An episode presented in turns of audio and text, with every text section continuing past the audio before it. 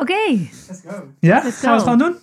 ik- Stefan is in de lead, ik volg en eh, Heerlijk. Ja. Ik ook. ja, wij volgen gewoon. Ja, we zijn een keer volgzaam. Dus geniet Nou, dat, ervan. dat lukt meestal niet, dus eh, Welkom bij Systeem op de Schop, de podcast van Social Enterprise NL. Wij zijn de beweging van ondernemers voor wie impact voorop staat. Mijn naam is Stefan Panhuizen, directeur van Social Enterprise NL en host van deze podcast. Vandaag zitten we in het mooie Vondelpark en te gast is niemand minder dan Anita Groenink. Welkom. Dankjewel, Stefan. En natuurlijk is ook Willemijn Verloop weer gast. good to be here. Anita, we beginnen met jou. Ehm jij is natuurlijk bekend als oprichter van Midwest. Daar gaan we het uitgebreid over hebben. Maar ook aan jou de vraag: eh, ja, wat heb jij nou de afgelopen tijd gedaan waarvan je dacht, ja, dat kon eigenlijk niet door de impactbeugel? Ja, nou ja, jullie zitten hier aan tafel met een eh, groot verbruiker van batterijen. Batterijen, oh ja. Ja. ehm, ik gebruik namelijk twee batterijen per week. Vertel. En dat komt door mijn gehoorapparaat. En dat weten heel veel mensen niet.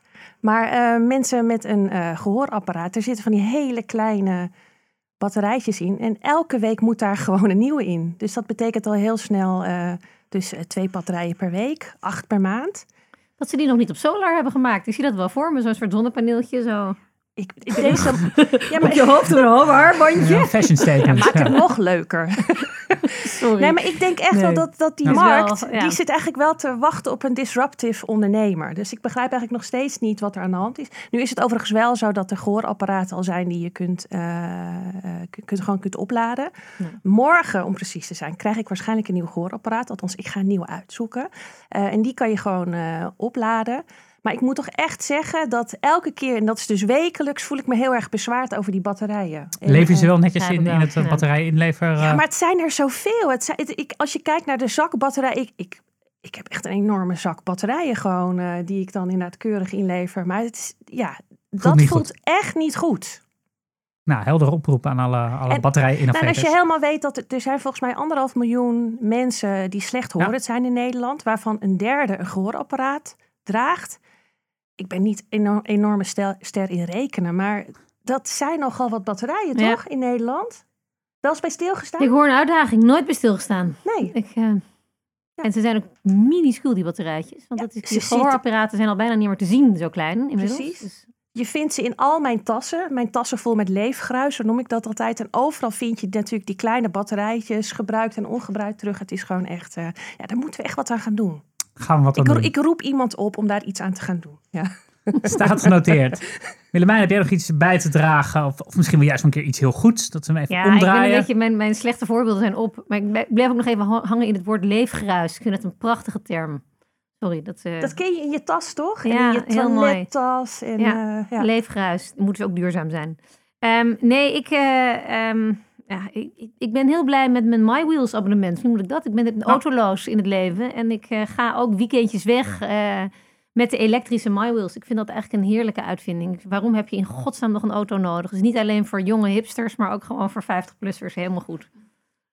Ja, of jij wel niet een jonge hipster bent, eh, dat, die, eh, die bewaren we even.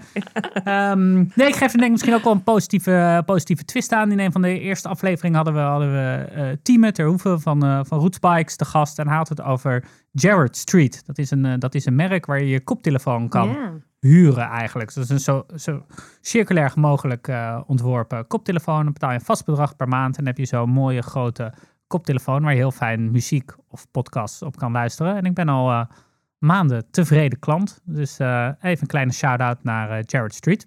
Nice. Klinkt goed. Gaan we opschrijven. Ja, heel goed. Hey, en ehm, Anita, jij bent oprichter van Midwest, een buurtbedrijf in Amsterdam. Daar gaan we het uitgebreid eh, over hebben. Maar in een vorig leven, om het zo maar te noemen, was jij, eh, was jij communicatieadviseur. En daar laat je je niet altijd even positief over uit. Eh, dus ik zat te denken, is nou iets waarvan je denkt, nou, dat ik dat ooit heb gedaan, dat kan eigenlijk echt niet. Ik was inderdaad communicatieadviseur bij, eh, nou ja, bij, bij grote organisaties, waaronder ook bij ING een tijdje. Eh, daar begon ik zelfs mijn carrière als junior communicatiemanager. En dat was zich in de tijd dat je eh, beleggingsfondsen aan de man bracht. En dat er dan zo'n beleggingsfondsintroductie was. Eh, en ik vertelde dit, dit voorbeeld laatst nog aan een, aan een marketeer. Wij maakten dus DM, direct mail campagnes. Kan jij Ja. dat nog herinneren? Dat waren van die grote A4-enveloppen. En Ja. daar deed je dan een hele mooie gepersonaliseerde brief in. Met een, met een mooie, goede marketingtekst. En er zat dan een brochure in. En dat was niet alleen een papieren brochure, maar vaak deed je er nog een doosje in. Of zoals andere marketinggoeroes wel riepen, je moet er een pen in doen. Want als die dan op de mat valt, dan denken mensen, hé, hey, een cadeautje. Dus ik maakte toen direct marketing campagnes. En dat, dan hebben we het dus over 99, 2000. En dan, eh, ja, dan riepen we eigenlijk mensen op om vooral te investeren in een beleggingsfonds. Stefan noemt niet Geef om Jan Eef. Wat voor mij jouw eerste wapenfeit is, zeg maar. Voor Midwest. Is, kwam dat tegelijk met ING? Nee, nee. Na mijn studie ben ik, eh, ben, heb ik gewoon een tijdje gewerkt eh, als, als communicatieadviseur, als woordvoerder bij ING, bij, eh bij Telfort, KPN-merk toen nog. Ehm, en toen kwam ik uiteindelijk bij positieve, om zo maar te zeggen in alle opzichten. En toen ben ik me veel meer in het maatschappelijke wereld gaan, eh, nou ja, gaan ontwikkelen eigenlijk. En toen heb ik Geef om Neef opgericht, samen met een groep buurtbewoners uit Amsterdam-West. Ja. Ja, inderdaad. Want we hebben, we hebben luisteraars door het hele land. Dus ook, ook niet uit Amsterdam. Dus nog even voor degenen die het niet kennen. Ja, wat is het verhaal van, van Midwest? Eh, hoe is het ontstaan en, en wat is het? Nou, ik noemde net al even heel kort Geef om de Jan Eef. En dat, dat was een, een buurtinitiatief. Eh, en dat speelde in de Jan Evertse straat in Amsterdam-West. En in 2010 gebeurde daar echt iets verschrikkelijks. Ja. Een juwelier kwam om het leven bij een overval. En dat, eh, nou ja, dat, je kunt je voorstellen hoe verschrikkelijk dat was voor, eh, nou ja, natuurlijk de familie van de juwelier, al zijn klanten, omwonenden in de straat, ondernemers in de straat. En met een groep bewoners hebben we eigenlijk toen bedacht, dit is genoeg. We moeten onze verantwoordelijkheid nemen. We gaan met z'n allen ervoor zorgen dat er weer positiviteit die straat in komt. Dus we doen geen stille tocht, we doen ook geen rouwbanden en geen zwarte ballonnen. We gaan vooral tegen iedereen zeggen in Amsterdam-West... doe nou gewoon boodschappen in je eigen winkelstraat. En dat was dus de Jan Evenstraat, zoals ik net al zei. In die tijd was ik nog steeds communicatieadviseur. Dus aan de ene kant eh, had ik gewoon commerciële opdracht. Aan de andere kant deed ik dit als eh, vrijwilliger. En ik merkte ineens dat, dat die talenten die ik had ontwikkeld eh, in het bedrijfsleven... dat ik die heel goed kon inzetten voor, voor zo'n maatschappelijk verhaal. En dat deed ik eigenlijk met zoveel plezier. En ik merkte dat ik daar zo blij van werd. En dat ik de meest fantastische mensen ontmoette.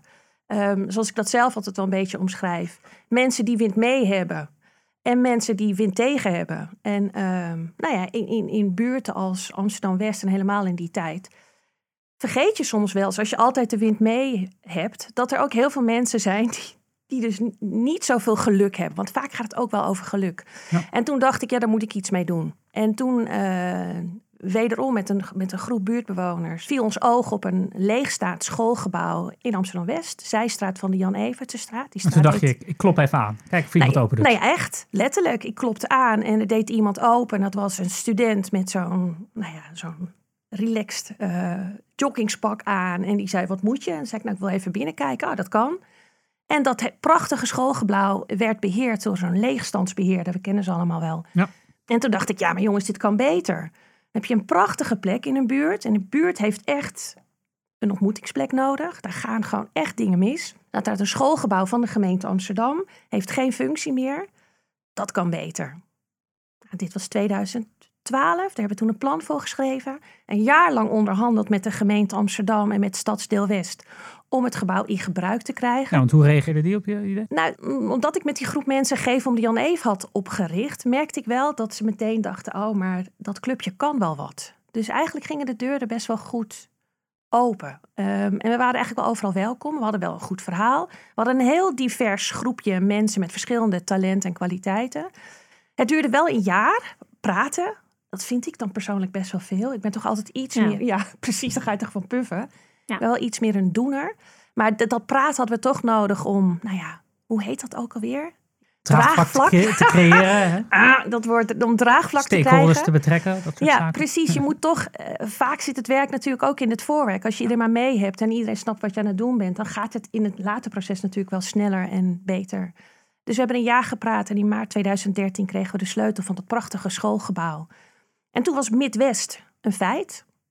Maar je zegt net in een bijzinnetje, de, de buurt had een ontmoetingsplek nodig. Ja. kan je nog wat scherper omschrijven wat voor een impact dat dan heeft op de buurt van ontmoetingsplek? Want het, het- ik begrijp wat je daarmee bedoelt, maar ik Ja. denk dat je, wat, is, wat beoog je er met name mee? Wanneer is het echt een succes? Nou ja, wat je gewoon zag in die wijk is dat er eigenlijk... Er was een winkelstraat, maar dat was het. Er waren geen grote bedrijven, er waren geen scholen. Ja, een paar basisscholen, maar ook geen middelbare scholen.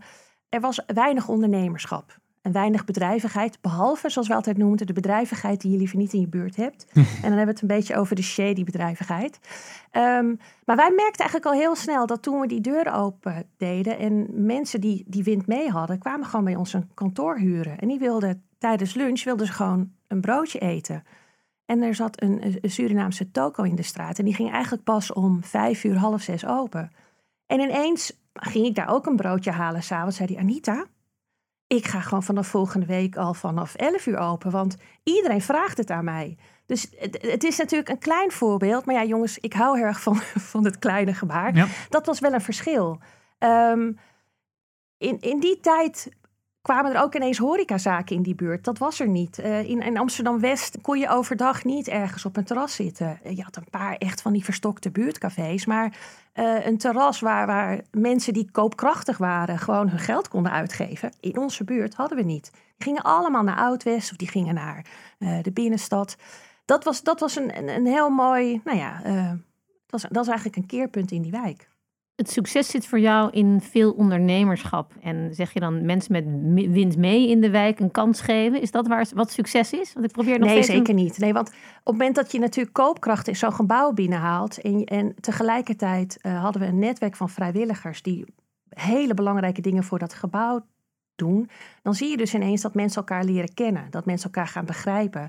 Dat eh, iemand die gewoon pech heeft. Ineens zegt, ja, maar ik, ik had altijd een eigen bedrijf. Er is iets misgegaan. Ik, ik weet niet meer hoe ik voor mezelf moet beginnen. En dan stelde ik hem voor aan, eh, aan iemand anders. Die zei, oh, maar ik kan jou wel helpen. Ik help jou gewoon. En dan kom je je eerste klus bij mij doen. Het zijn, het zijn misschien niet hele grote gebaren, maar iedere keer al die kleine nou ja, speldenprikken eigenlijk, waarmee je voor één persoon een enorm verschil maakt. Daarmee zetten we gewoon ondernemerschap, maar ook creativiteit en eh, veel meer optimisme of zo eh, ontstond er eigenlijk. En ik denk dat je dat voelt als je Midwest binnenkomt. Je ziet gewoon een verscheidenheid aan mensen, verscheidenheid aan leeftijd, eh, opleidingsniveau. Mensen zijn praktisch opgericht of eh, opgeleid of hoog opgeleid. Alles vind je daar door elkaar. Ja. En dat is En, altijd. en, en hoe zorg je ervoor dat het inderdaad voor beide groepen, om het zo maar even te zeggen, als je het zelf mooi omschrijft, de wind tegen en, en de wind mee, dat het voor beide, beide groepen een aantrekkelijke en toegankelijke plek blijft. Dat lijkt me de kunst. Ja, dat is het ook wel. Ja. Ja, het is af en toe nee zeggen tegen dingen waarvan je denkt, oh, daar kan ik echt heel veel geld mee verdienen. Bijvoorbeeld iemand die dan. Ja, eh, wat voor? Kan je een voorbeeld geven? Bijvoorbeeld huwelijken. Weet je, er zijn heel veel mensen die willen een bijzondere locatie voor een huwelijk. En dan dacht ik, oké, laten we dan gewoon één huwelijk per twee, drie maanden doen. Je, je kan ineens een huwelijkslocatie worden, maar dan trek je dus alleen maar mensen aan die heel makkelijk geld kunnen uitgeven. Ehm, En die eh, eenmalig komen met hun gasten misschien maar. Ik zeg ook heel vaak tegen mensen, we houden heel erg van producenten en niet zozeer van consumenten. Er moet natuurlijk wel geconsumeerd worden. Maar veel meer dat mensen echt iets willen maken, dat mensen een bijdrage willen leveren. Ja, en het, wa- wat jij zegt, het is lastig hoor. We hebben ook wel eens op het terras eh, hele leuke, frisse jonge meiden zitten. En die vragen dan aan mij van wie doet bij jullie de communicatie? Dan zei ik, nou ja, hoezo? Vertel eens. Nou, we kunnen jullie heel slecht vinden en het is echt... ehm, ik kan je wel communicatieadvies geven, want ik heb zoveel volgers op, eh, wachten? op Ja. Insta- Instagram. En, kan ik, en dan zeg ik wel, nou weet je, wij hebben echt een hele duidelijke communicatiestrategie. En zei ze, ja, wat, Ze- wij doen dat soort dingen niet. Ik vind het hartstikke leuk dat je er bent. Bestel vooral een tosti.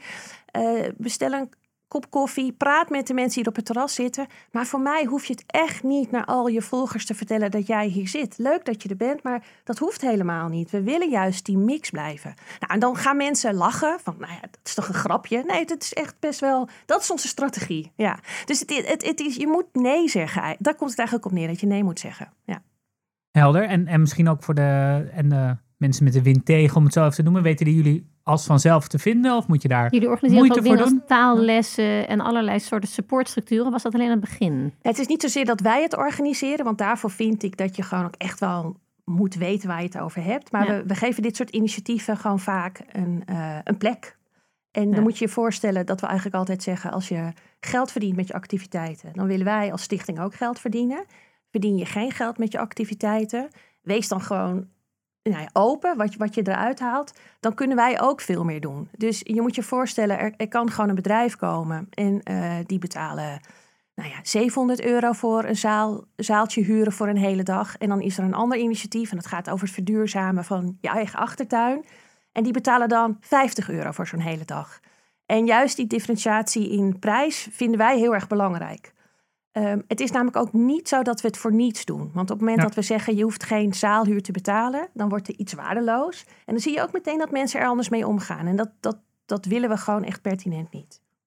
Hey, helder. En ehm, nou ondertussen, het is, eh, het is 2021. Ja, het pand, het was van de gemeente. Ja. Eh, dat is het nu niet meer. Nee. Het is van Midwest. Precies, ja. Kan je wat meer vertellen over nou ja, de eigendomsconstructie en, en ook hoe dat is gegaan? Zeker. Nou ja, zoals ik net al zei, in 2013 kregen we een beheersovereenkomst. Of ja, dat heet volgens mij, het klinkt heel raar het woord nu, maar een beheersovereenkomst. Ga maar googlen, luisteraars. wat dat Gebruiks, eh, gebruiksovereenkomst. We waren beheerders, we kregen een gebruiksovereenkomst met de gemeente. Eh, maar wij zagen eigenlijk wel dat het gebouw, het is, het is een monumentaal schoolgebouw, gebouwd in 1924. Dus Amsterdamse school, prachtige elementen. Maar er zat zo ongelooflijk veel achterstallig onderhoud in. Een hele verouderde verwarmingsklimaatinstallatie. Nou, weet je, dat, als je ernaar keek, kreeg je gewoon al tranen in je ogen. Af en toe moesten we gewoon ergens een schop tegen aangeven en dan ging weer aan. Dus we wilden heel graag investeren. De gemeente wilde niet investeren, want zij gaven eigenlijk aan: ja, dit gebouw willen we gewoon verkopen. Het heeft geen eh, functie meer binnen onze strategie, dus dat gebouw moet verkocht worden. En wij gaven eigenlijk aan: nou, geef ons gewoon een huurcontract. We willen heel graag, eh, in ieder geval voor tien jaar, onze, onze activiteiten bestendigen. Dat was heel ingewikkeld. En uiteindelijk hebben we gezegd: weet je wat? We gaan gewoon kopen. Waarom gaan we eigenlijk niet kopen? We hebben een hartstikke goed verhaal. Die financiering moet eigenlijk wel lukken. En we wilden kopen vanuit veel meer vanuit een soort community trust-achtig principe. Wat je, wat je echt ziet in, in andere Europese landen. Eh, sommige mensen Ja, kennen dat nog wel eens. uitleggen? Ja. Ja, nou, sommige mensen zeggen nog wel eens, weet je, eh, lang geleden werden hier panden in Amsterdam verkocht voor een euro. Niet dat dat zegt sommige mensen van, heb je het ook voor een euro gekocht? Nou, was het maar waar. Maar dat, die constructie was er natuurlijk en dan nam je eigenlijk gewoon echt alle lasten ook van zo'n gebouw over. Nou, dat was hier niet aan de orde, want we leven echt wel in een andere tijd. Maar we hebben wel met de gemeente Amsterdam gekeken, wat voor constructie kun je dan wel bedenken? Kijk, in Amsterdam heeft grond een prijs. Eh, nou ja, we weten allemaal eh, hoe hysterisch die prijzen momenteel zijn. Maar eh, inderdaad, in 2016, toen we het gebouw kochten, was die prijs ook al fors. Maar wij hadden eigenlijk gezegd, ja, weet je, moet je kijken naar de prijs van een gebouw of moet je kijken naar de waarde van een gebouw? Dus ga nou op een andere manier kijken naar dat maatschappelijk vastgoed. Dat is al, blijft altijd een thema in, eh, bij de overheid en bij gemeentes. Wat is nou echt de waarde van, eh, van vastgoed en van maatschappelijk vastgoed? Dus we hebben daar een soort model ontwikkeld met de gemeente Amsterdam. En uiteindelijk, het is een heel erg lang verhaal. Dus als mensen daar meer over willen weten, dan moeten ze me zeker een keertje uitnodigen. Wil ik heel graag En een hoop lessen die je geleerd hebben in dat proces. Herinner ik me van de jaren dat we elkaar spraken toen. Dus eh, het was niet makkelijk, maar het, is je wel niet gelukt. makkelijk. Ja, het is me gelukt. exact. En het was ook ongelooflijk interessant om mee te maken. Om zowel te kijken bij de gemeente hoe dat werkt, bij zo'n vastgoedafdeling. en natuurlijk alle belangen die er spelen. Maar uiteindelijk is het ons gelukt. Dus we hebben in 2016 het gebouw kunnen aankopen. Eh, we hebben het kunnen fi- financieren met het Amsterdamse Restauratiefonds. Ja. Met Want- het duurzaamheidsfonds van de gemeente Amsterdam. En met privé-investeerders. Ja, en dat is dan eigenlijk. Nou ja, zou je me vragen wat is de grootste impact van zo'n zo'n project als Midwest? Nou ja, dan wil ik eigenlijk wel zeggen dat het gewoon heel bijzonder is dat we met een groep buurtbewoners, die het eigenlijk allemaal nou ja, hebben bedacht om iets goeds te doen in hun eigen buurt, in hun eigen wijk, om gewoon vastgoed aan te kopen. Dat is natuurlijk gewoon te gek dat dat gelukt is. En de laatste tijd kan ik ook daar zeg maar iets rustiger op terugkijken, omdat het een Nou, is het qua lasten voordeliger voor jullie geweest? Of is het een duurdere? Want je had natuurlijk een, een huurovereenkomst met de gemeente. Dus dat was jouw idee hoe je het ging uitrollen. Nu ben je eigendom geworden. Dus nu Ja. heb je, je je vaste lasten aan je investeerders. Wat is nou het model waar je, waar je de meeste impact mee kan maken uiteindelijk? Ehm, ik denk dat je gewoon vastgoed moet bezitten Ja. om een langdurige impact te kunnen maken in, in ingewikkelde wijken in Nederland. Ik denk, heel kort gezegd, als wij nu een huurovereenkomst zouden hebben gehad met de gemeente Amsterdam en we kennen alle voorbeelden uit de krant, dan weet ik niet of ik er hier nu had nog steeds had gezeten als directeur van Ja. Midwest. Je bent de speelbal van de lokale politiek. Precies, ja, maar ook als het gaat om eh, nou ja, wat we allemaal hebben meegemaakt in deze pandemie. Dat je gewoon ziet dat organisaties die drijven op ontmoetingen. Ik bedoel, ik heb het over Ja. Midwest, maar ik heb bijvoorbeeld ook over Pakhuis de Zwijger. Dat zijn organisaties, het gaat over ontmoetingen. De waarde zit in gesprekken, de waarde zit in mensen. Dus op het moment als dat niet meer kan, dan is je hele, je, je hele business is, wordt onder je weggeslagen. Dan kan je dus gewoon echt niet meer 15 of 20.000 euro huur per maand opbrengen.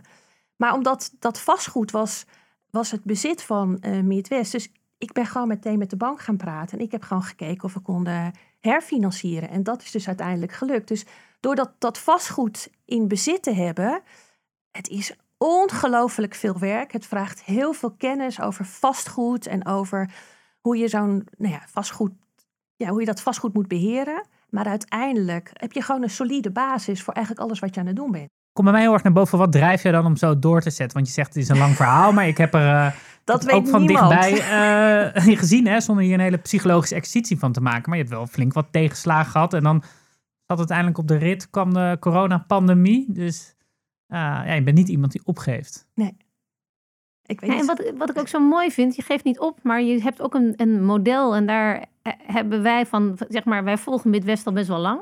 Denk ik vanuit Social Enterprise NL. Omdat we, we zagen die community enterprise in Engeland. We zagen, zeg maar, nou, weet je, publiek vastgoed wat naar de markt werd gebracht voor weinig dan in Engeland. En waar echt ondernemerschap op werd toegepast.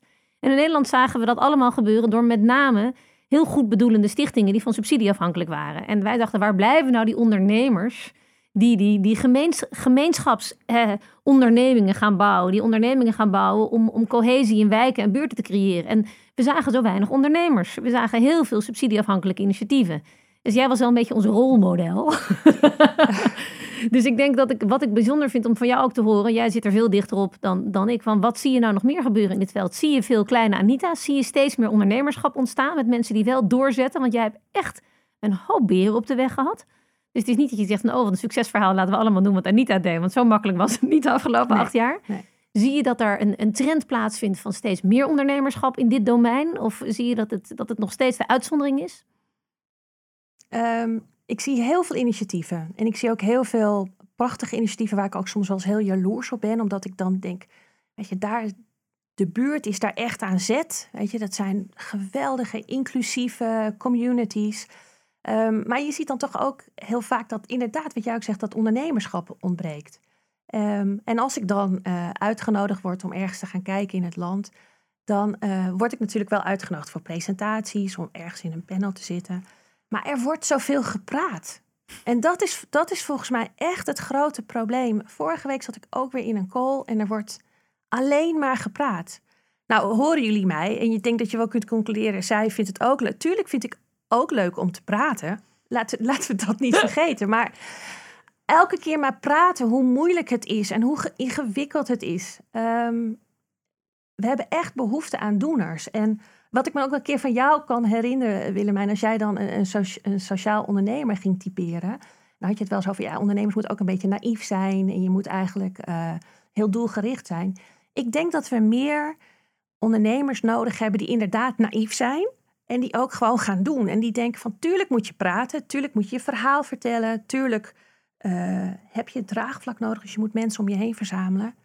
Maar ga gewoon in hemelsnaam doen. De koppige gekken noemde ik ze. Ja, dus we hebben eigenlijk ook meer vrouwen nodig. Dat wilde ik eigenlijk Ja, ook zeggen. Ja, en, en is, ik vind dat een mooi pleidooi, meer, meer doen. Maar dan blijft in, in het domein waar jij actief in bent, de overheid natuurlijk ontzettend grote rol spelen. Ja. En de vraag is, waar wil je die dan hebben, die overheid? Moet die faciliterend zijn? Moet die voortstuwend zijn? Moet die achter je staan, naast je staan, voor je staan? Welke rol moeten we daar zien? Want het is een combinatie van die doener met, zeker in dit domein, ook iets van een faciliterende, denk ik. Maar de vraag is aan jou, dus ik ga hem niet invullen. Ja. Wat wil je daar? Nee, ik, ik heb alles meegemaakt. Eh, de, eh, eh, ambtenaren die, die zeg maar, me aan de hand wilden nemen. Ambtenaren die vooruit liepen. ehm, ambtenaren die tegenwerkten. Ook meegemaakt, tuurlijk. Ehm, het is zo'n vervelend woord. Alleen maar als je met ambtenaren gaat samenwerken, valt altijd het woord vertrouwen. In alle samenwerkingen met andere ondernemers of andere organisaties hebben we het nooit over vertrouwen. Maar altijd, betrap me de laatste tijd zelf ook op. eh, ambtenaren zouden gewoon ondernemers meer moeten vertrouwen. Meer moeten vertrouwen dat het wel goed komt. Geef ze experimenteerruimte. Zet er dan wel een hekje omheen, maar zeg gewoon binnen dit hekje eh, mag je gewoon gaan doen. Dit zijn de afspraken waar je aan gaan houden. Ik denk dat het dan eigenlijk allemaal wel goed komt. Maar dus het, het begint ook bij een, bij een ambtenaar die zegt: we gaan dit gewoon even anders doen. En dat kan ergens. Kan het, nou ja, misgaan, het gaat eigenlijk nooit. Maar dat kan ergens, misschien even ergens uit de bocht vliegen. Maar ik heb er alle vertrouwen in dat we weer op die juiste weg komen. Dat, dat hebben we nodig. Maar het is ingewikkeld. En is het vertrouwen ingewikkeld omdat je ondernemend bezig bent? Zou je als het een puur caritatief, eh, zonder ondernemend capaciteit initiatief zijn, voor, is het vertrouwen er dan wel? Nee, ik denk of dat is het het hetzelfde is. vertrouwen, is het gewoon omdat het anders is? Eigenlijk, hè, andersom geredeneerd, begeef je het, kan je, zou je kunnen stellen, op het domein van de overheid. Want ja, Precies. je- die school die was van de gemeente. En die Ja. verantwoordelijkheid van de gemeente, omdat er, dat er iets mee gebeurt, dat het beste is voor, eh, voor alle inwoners van Amsterdam. En dan is het natuurlijk makkelijk uit te leggen. Nou, verkoop het voor de hoogste prijs. Dan kunnen we met het geld andere goede dingen doen. Exact. En ja, jij hebt een ander idee. En nou ja, ik bedoel, wat vindt de gemeenteraad daarvan? Of zo, is maar een van de vragen. Dus je, Precies. het is ook soms een, een botsende logica, denk ik. Ja. Dus de belangen, is alle kanten op zijn de belangen enorm. En dus ik snap ook heel goed dat je als, als ambtenaar of als bestuurder of als wethouder in een lastig pakket zit. Want dan kun je wel denken, ja, ik vind die Anita van Midwest, eh, die doet hartstikke goede dingen. Maar heb, heb je dan wel alle andere mensen in datzelfde domein in de stad gezien? Die doen misschien ook wel hele goede dingen. Waarom ga je het dan aan haar gunnen? Kijk, in ondernemerschap gaat het heel vaak over gunnen. Dat, dat is wat, wat ik gewoon merk. Maar in, de, in, in, die, in die overheid kan het natuurlijk helemaal niet over gunnen gaan. Dat is Ja. heel ingewikkeld. Dus die twee dingen botsen. Volgens mij is dat dus ook niet heel snel een oplossing voor te bedenken. Maar dat wil niet zeggen dat je het niet moet doen. Dus volgens mij moet je gewoon iedere keer proberen om, zoals eh, een ambtenaar mij ooit vertelde, dat hij mij een fantastische hacker vond. Nou, dus eigenlijk moet je gewoon een soort van het systeem proberen te hacken. Ehm, in alle openheid. Dus volgens mij moet je er wel gewoon, je moet heel duidelijk zijn. Je moet vertellen wat je doet, waarom je het doet, wie je meeneemt. Maar elke keer toch wel die, ja, eh, nou ja een- Heb je het gevoel dat je, met, dat, je, dat je pionierswerk hebt gedaan, wat het voor de volgende Midwest eh, makkelijker maakt? Want hè, Willemijn noemt net, nou, vanuit Social Enterprise een paar jaar geleden zagen we nog niet veel. Ondertussen verdiepen we ons wat meer in dit, eh, dit domein, ook samen met andere organisaties, zoals de LSA. En zien we Mhm. eigenlijk heel veel mooie, Ja. mooie initiatieven, van het, van het Luske in Limburg tot het Wijkpaleis in Rotterdam. Dus het, het, het is wel een beetje aan het loskomen, om het zo te stellen. Ja. Ehm, ja, denk jij ook dat je, dat je het hiermee voor de volgende volgende Anita makkelijker hebt gemaakt. Nou, ik hoop het natuurlijk wel. Ja, ik krijg denk ik echt wel wekelijks eh, mailtjes van mensen die zeggen: mag ik een keertje een kop koffie komen drinken? Want in mijn dorp staat een buurthuis of een café en ik heb begrepen dat. Eh, ja, als ik daar tijd voor heb, doe ik dat zeker. En dat is alleen maar om ervoor te zorgen dat er meer van dit soort initiatieven ontstaan natuurlijk. Ja. En fouten die ik heb gemaakt, ja, ik hoop anderen daarvoor Wat is te je behoeden. grootste fout? Ehm, ja, wat is mijn grootste fout? Ja, maar ik, ik zeg altijd tegen mijn kinderen dat je fouten moet maken omdat je anders gewoon niet verder komt. Dus ik, ik gun iedereen ook heel graag zijn eigen fout, om het zo maar te zeggen. Ehm, nou ja, in dit hele traject, ik, ik had, eh, dit heeft eh, best lang geduurd voordat we inderdaad gewoon een goede constructie hadden gevonden. Ehm, als ik terugkijk, denk ik dat ik mezelf af en toe iets meer had moeten begrenzen. Meer moeten zeggen, op dat moment, op die datum moet ik dat en dat gefixt hebben. En anders moet ik er overheen, of moet ik mezelf er overheen zetten. Eh, dat is me niet gedurende het hele proces eh, gelukt. En dat, heeft echt, dat trekt natuurlijk best wel een spoor op, eh, op alles wat je doet. Ja. En lang vasthouden. Ja, en ik ja, weet je, heel vaak riepen mensen ook, ja, soms moet je gewoon loslaten. Ik ben daar dus helemaal niet van het loslaten. Ik vind dat je gewoon eigenlijk altijd je tanden ergens in moet trekken. zetten. Ja. Betekent dat, je, dat je tachtigste Midwest aan het doen bent? Of hebben we dan Midwest, eh, hebben we ook Mid-Oost en Mid-Noord? Oh, en, dat zou wel eh, leuk zijn, hè? Ja. Ik, Ja. denk, ga je nu ga je jezelf klonen of ga je er nieuwe beginnen? Wat is je droom? Wat is je volgende stap? Want Midwest is wel, is, is, staat mooi. Wil je dit nog tien jaar verder runnen of heb je andere dromen hoe dit, wa- wat jij wil doen? Ja, ik, ik, het, het, model van Midwest, ehm, daar, daar, daar wil ik zeker iets mee doen. Ehm, en dat zit met name in ondernemerschap en dat maatschappelijk vastgoed. Ik ben druk bezig om te bedenken wat ik daarmee kan doen. Ehm, ja, en, en ondertussen kijk ik natuurlijk ook naar eh, andere projecten. Dus, eh, sinds een tijdje eh, ben ik een van de bestuurders van de Halle. De Halle hier in Amsterdam-West. Dat ziet er aan de buitenkant denk ik uit als een hele mooie normale organisatie. Maar wat daar gebeurt, ook qua uh, hoe maatschappelijke vierkante meters worden ingezet voor sociale cohesie en voor talentontwikkeling, vind ik ook een hele interessante. Dus soms zie je initiatieven in, in de stad en ook buiten de stad, waarvan je in eerste oogopslag denkt: hé, hey, maar dat is eigenlijk gewoon een, een commerciële organisatie. Maar daar gebeuren daar prachtige sociale en maatschappelijke dingen. En daar zou ik me ook wel meer in willen verdiepen. Want als je vanuit maatschappelijke motieven je naar ondernemerschap wil ontwikkelen, dat is denk ik best wel een, een, een slag. Maar het kan natuurlijk ook vanuit de andere kant. Je kan natuurlijk ook ondernemers oproepen van hey, wees je nou eens bewust van wat er speelt in je omgeving. En kan je daar niet iets op bedenken? Kan je daar niet iets mee doen? Hoe kun je daadwerkelijk lokale impact maken met nou ja, eigenlijk waar je al mee bezig bent? Volgens mij is het voor heel veel organisaties namelijk best wel een kleine stap. Als je er oog voor hebt. Mooi. Ja, Hey, dus kan, organisaties helpen om dat te doen. Dat zie je jezelf ook doen. Ja, ja. ja mooi spillover effect. Het kwam net al even voorbij. Ja, we kunnen natuurlijk niet, niet noemen uh, corona.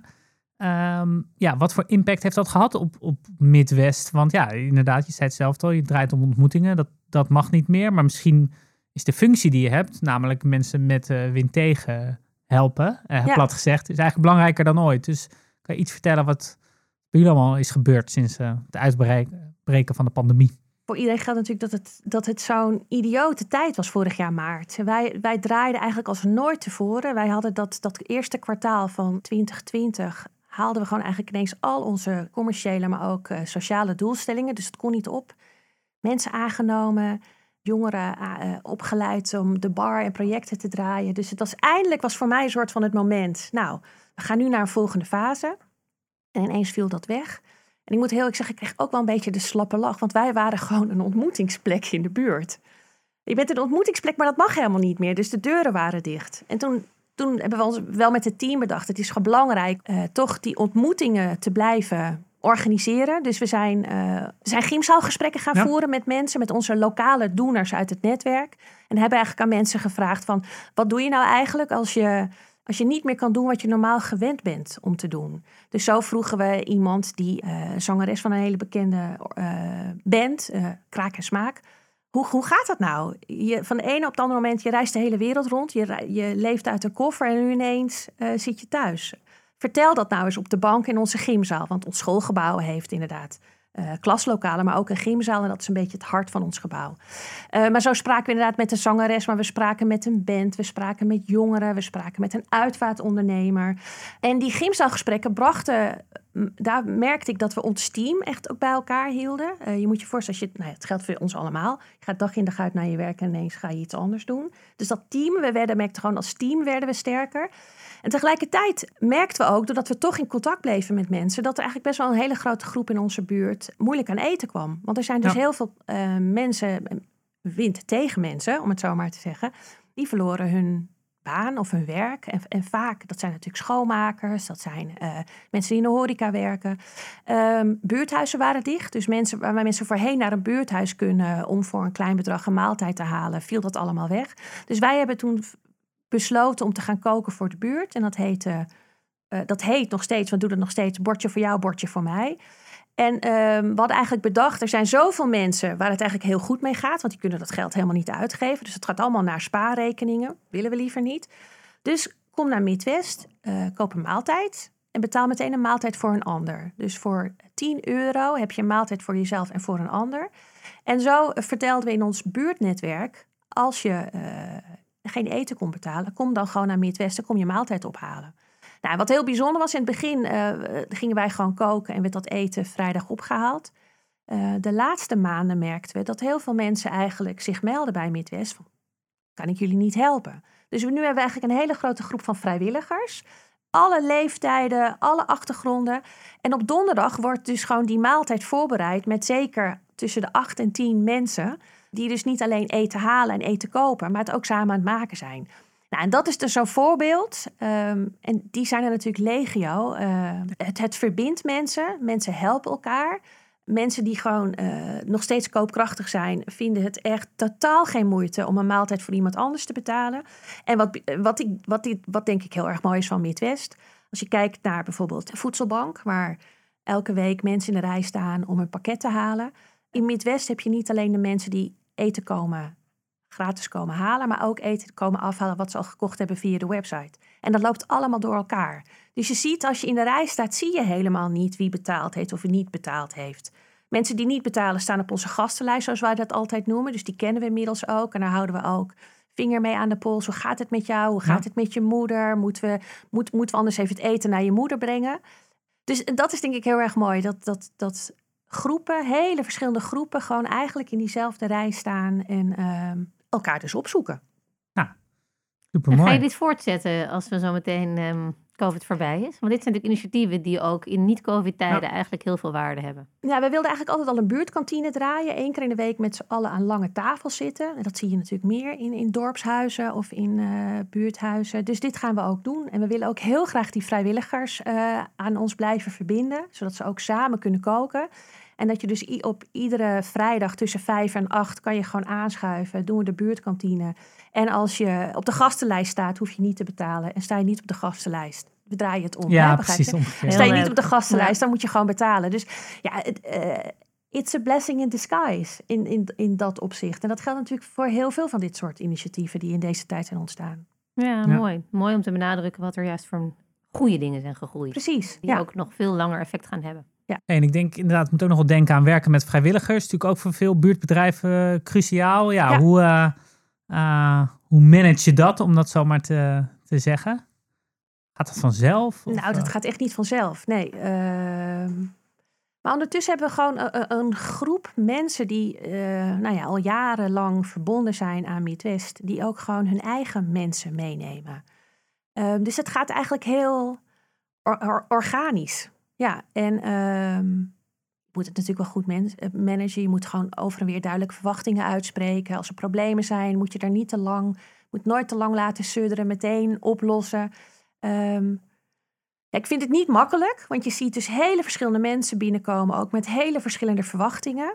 Maar tegelijkertijd moet je het maar gewoon doen. Ik zeg ook heel vaak ook tegen het team: spring er maar gewoon in. En we zijn, weet je, het, het kan echt misgaan. Zeg ook maar tegen mensen dat het mis kan gaan. Maar dat mensen ook heel duidelijk moeten aangeven wat verwachtingen zijn over en weer. Ik vind het wel ingewikkeld, maar het is tegelijkertijd ook het allerleukste wat er is. Ja, ik vind het echt. Het is Ja, want je zo. hebt het over team. Wat voor, wat voor, hoe ziet Team Midwest er nu, nu uit? Twee mensen zijn in, in dienst. Dat zijn allebei eh, mensen die zeg maar uit werkend leven komen. En op een gegeven moment bedachten, is dit het nou? Vind ik dit heel erg leuk wat ik nu aan het doen ben? Bram eh, werkt bij Midwest en huurde vroeg gewoon een, een kantoor in Midwest als fotograaf. Dus was, was persfotograaf. En dacht ineens, is dit nou eigenlijk wat ik wil? En die heeft uiteindelijk de stap gemaakt om eh, in dienst te komen van Midwest. Ik vind het wel mooi, want je zegt die uit het werkend leven komen. Ze zitten natuurlijk nog steeds in het werkend leven. Ze hebben alleen voor een andere invulling van hun werk gekozen. Mooi dat je dat dus eigenlijk niet als werk ziet. Dat is wel weer fascinerend, vind ik, hoe jij dat formuleert. ja, waarom zeg ik dat eigenlijk? Nou ja, dat is Ze zijn natuurlijk misschien wel harder gaan werken, maar met een hele andere missie. Ja, maar het, het blijft voor mij altijd, als mensen zeggen, wanneer ben je nou het meest gelukkig op die plek? Uh, ik was dit gesprek natuurlijk een beetje aan het voorbereiden en ik uh, sprak gisteren met een van die meiden die bij mij werkt. En toen zei ik, weet je nog die ene keer op een zaterdagmiddag dat wij jongens uit de buurt hadden aangeboden dat ze het café mochten gebruiken voor een drill rap concert. Weet jullie wat dat is? Drill rap? Ja, ondertussen wel. Veel, ja. Hele harde muziek met allemaal maskers en jongens die heel ja. hard aan het dansen zijn. En ik, ik stond daarin en ik dacht bij mezelf, ja. waar ben ik aan begonnen? Maar ik vond het ook echt fantastisch, want ik had al die jongens uit de buurt nog nooit gezien. Dus wat dat betreft was het een enorm succes. Maar ik dacht af en toe wel, dan liep ik naar die geluidsjongen toe, zei ik, mag het iets zachter? De deuren waren allemaal wel dicht, maar het is wel hard. Maar we, er zijn ook uh, altijd zwangerschapscursussen in Midwest. En dat zijn dus allemaal best wel uh, uh, natuurlijk bewuste jonge ouders of ouders die, en mensen die net ouder worden. En dat is dan een cursus van een, van een, een, een dagdeel. En die cursus was afgelopen en die mensen moesten dus eigenlijk door die ruimte waar dat drill rap concert was, moesten ze naar buiten. Maar je zag al die mensen kwamen natuurlijk uit een soort zo, zo, zo, zen, ja. zo'n zen moment, kwamen die zaal door. En ik had, het, had me dat gewoon niet heel goed gerealiseerd. Dus ik liep gewoon achter die groep aan en zei ik, jongens, dit hebben we echt speciaal voor jullie georganiseerd. Want als jullie zo meteen ouder zijn, dan ga je allemaal voor hele moeilijke dingen komen. Dan moet je gewoon ineens schakelen. Dus vandaar even een harde overgang. Maar je zag sommige mensen konden dat natuurlijk enorm waarderen. En anderen gingen ook vragen stellen. Wat is dat dan voor concert en wat doen die jongens hier? Nou, ik voelde me natuurlijk aan de ene kant een beetje ongemakkelijk, want je, je bent toch met twee hele verschillende groepen bezig. Maar tegelijkertijd typeert het gewoon ook de wereld waarin we leven. En zo'n buurt als Amsterdam-West, waar al die verschillende groepen met verschillende hobby's en verschillende bezigheden wonen. Dus dit zijn wel momenten, dan, weet je, dan is iedereen weg en dan, moet ik daar, dan kan ik daar gewoon echt enorm van genieten wat we nu hebben meegemaakt. De wereld in het klein in, uh, in Midwest. Ja. Dankjewel Anita. Ja, en ook aan jou uh, de vraag. Hè? Nu, uh, ja, voor welke andere social enterprise zou jij nog even, even dit moment gebruik willen maken om ongegeneerd reclame te maken? Ik wil jullie iets vertellen over Susanne Duivenstein. Zij is uitvaartondernemer en ze heeft okay. onlangs een boek geschreven dat heet Uitvaart in eigen hand. En Susanne heeft een hele bijzondere kijk op uh, de uitvaartbusiness. Ik weet niet of ik het zo mag noemen van haar. Um, zij kijkt op een andere manier naar uh, het, alle rituelen rondom uh, overlijden en afscheid nemen. Zij kijkt ook op een andere manier naar wat doen we eigenlijk met ons lichaam als we zijn overleden. Ik bedoel, gaan we begraven of gaan we cremeren? En als je begraaft, is het dan op een reguliere begraafplaats of doe je dat op een natuurbegraafplaats? Maar er zijn tegenwoordig natuurlijk veel meer manieren waarop dat kan. Dat omschrijft zij allemaal in haar boek. Um, en tegelijkertijd, en dat is ook waarom ik ook aan haar dacht, hè, deze podcastserie heet Systeem op de Schop. Zij zegt eigenlijk ook, die hele business rondom uitvaart, dat is eigenlijk een hele rare business. Klopt dat nog wel in deze tijd? Moeten we niet eigenlijk op een hele andere manier kijken naar dat afscheid nemen? Suzanne is, uh, is een uh, hele sprankelende jonge vrouw. Dus um, ze heeft ook een sprankelend boek geschreven. Waarin je echt op een andere manier gaat kijken. Hoe heet het boek en hoe heet haar onderneming? Want je hebt nu van alles verteld. Maar nu wil de luisteraar weten waar ze Suzanne vinden. Hoe het, het boek, boek heet Uitvaart in eigen hand. Uitvaart in eigen hand. Check. En de onderneming? Afscheid bij Suzanne. Oh, klinkt al heel leuk. En ze heet Suzanne Duivenstein. Dus uh, zeker een aanrader. Het gaat echt over hoe kan je dingen anders doen. Nou, interessant. Ja, we komen, zijn verschillende industrieën voorbij gekomen, deze, deze podcast. De, de, de gehoorapparaat-industrie die disrupt moet worden. en ook uh, dus de, de mijn hobby's. Ja, uitvaart en gehoorapparaten. Ja. En then some. Ja. Dankjewel, Anita. Heel graag gedaan. Ja, ontzettend uh, bedankt uh, Anita Groening, oprichter van Midwest. En dank voor het luisteren naar Systeem op de Schop. En we, we sluiten af, denk ik, met een met een leuk nieuwtje. Namelijk dat Social Enterprise NL met haar kantoor per 1 september ook kantoor houdt in Midwest. Kabalstraat nummertje 1 te Amsterdam. Dus weet ons te vinden zodra dat weer kan. En uh, tot in Midwest.